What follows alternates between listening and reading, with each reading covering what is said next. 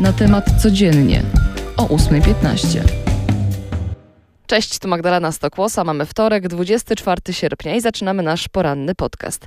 Na lotnisku w Warszawie wylądowały kolejne samoloty z ewakuowanymi Afgańczykami. Po południu na pokładzie znalazło się blisko 70 osób. Dziś w nocy z kolei przybyło kolejnych 100. Łącznie do Polski dziewięcioma maszynami ewakuowano z Kabulu około 600 Afgańczyków. To współpracownicy Polski i ich rodziny. Tymczasem coraz trudniejsza jest sytuacja na granicach Polski, Litwy, Łotwy i Estonii. Każdego dnia e, pojawiają się nowe osoby próbujące nielegalnie przedostać się z Białorusi. Dlatego te państwa wydały wspólne oświadczenie, w którym winą za kryzys na granicach obarczyły reżim Aleksandra Łukaszenki. Białoruski prezydent no, nie pozostał dłużnym i odpowiedział w podobnym tonie, twierdząc, że za konfliktem granicznym stoi polska władza a Afganistan i kryzys humanitarny będzie tematem zwołanego na dziś pilnego spotkania grupy G7.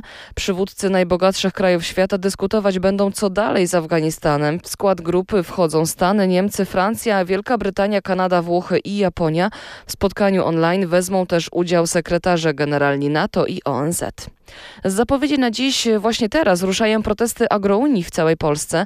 Zostały zapowiedziane w kilkunastu miejscach. Oznacza to oczywiście ogromne utrudnienia dla kierowców, bo rolnicy zapowiadają blokady dróg krajowych, m.in. w Rzeszowie, Radzeniu Podlaskim czy Nowym Mieście.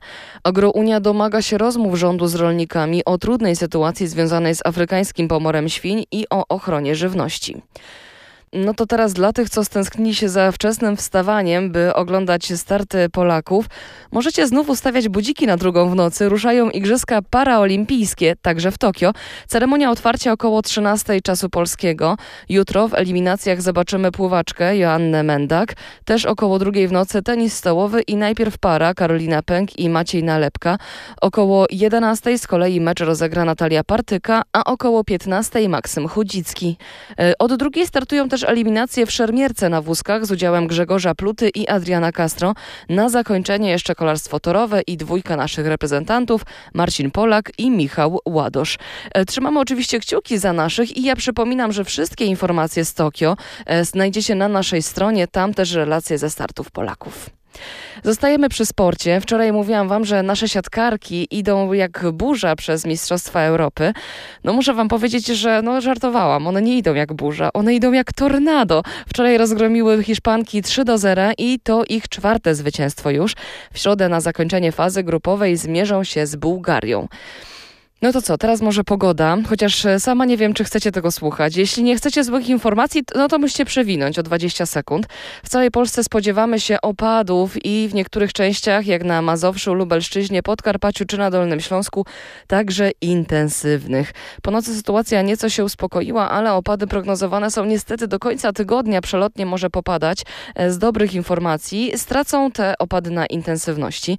IMGW ostrzega teraz przed rosnącymi poziomami wód w rzekach, na południu kraju jest kilka stanów alarmowych i ostrzegawczych.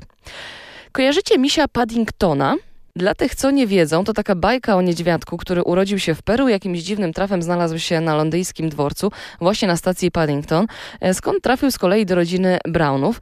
No to właśnie niemieccy badacze, uwaga, znaleźli żyjącego krewnego Paddingtona, złoty niedźwiedź okularowy, bo tak nazywa się ten gatunek, niezwykle rzadkiego niedźwiedzia, zaobserwowano, a jakże w Peru. Są one e, zagrożone wyginięciem, ale obecnie prowadzone badania już pokazują, że możliwe, że ta populacja jest jednak większa, Niedźwiedzie okularowe są też trudne w obserwacji, ponieważ są bardzo płochliwe. Jeszcze jedną fajną rzecz na koniec dla Was znalazłam. W pobliżu australijskiej wyspy Orfeusza odkryto najbardziej rozległy koralowiec Wielkiej Rafy, który, uwaga, uwaga, ma szerokość ponad 10 metrów. Według szacunków liczy ponad 400 lat i przetrwał wiele trudnych wydarzeń, w tym aż 80 silnych cyklonów. E, jest też w dobrym stanie i w ponad 70% składa się z żywych korali. Jego powierzchnię pokrywają też zielone gąbki i algi. No i tym przyjemnym akcentem kończymy dzisiejszy podcast. Magdalena Stokłosa, dzięki i do usłyszenia jutro.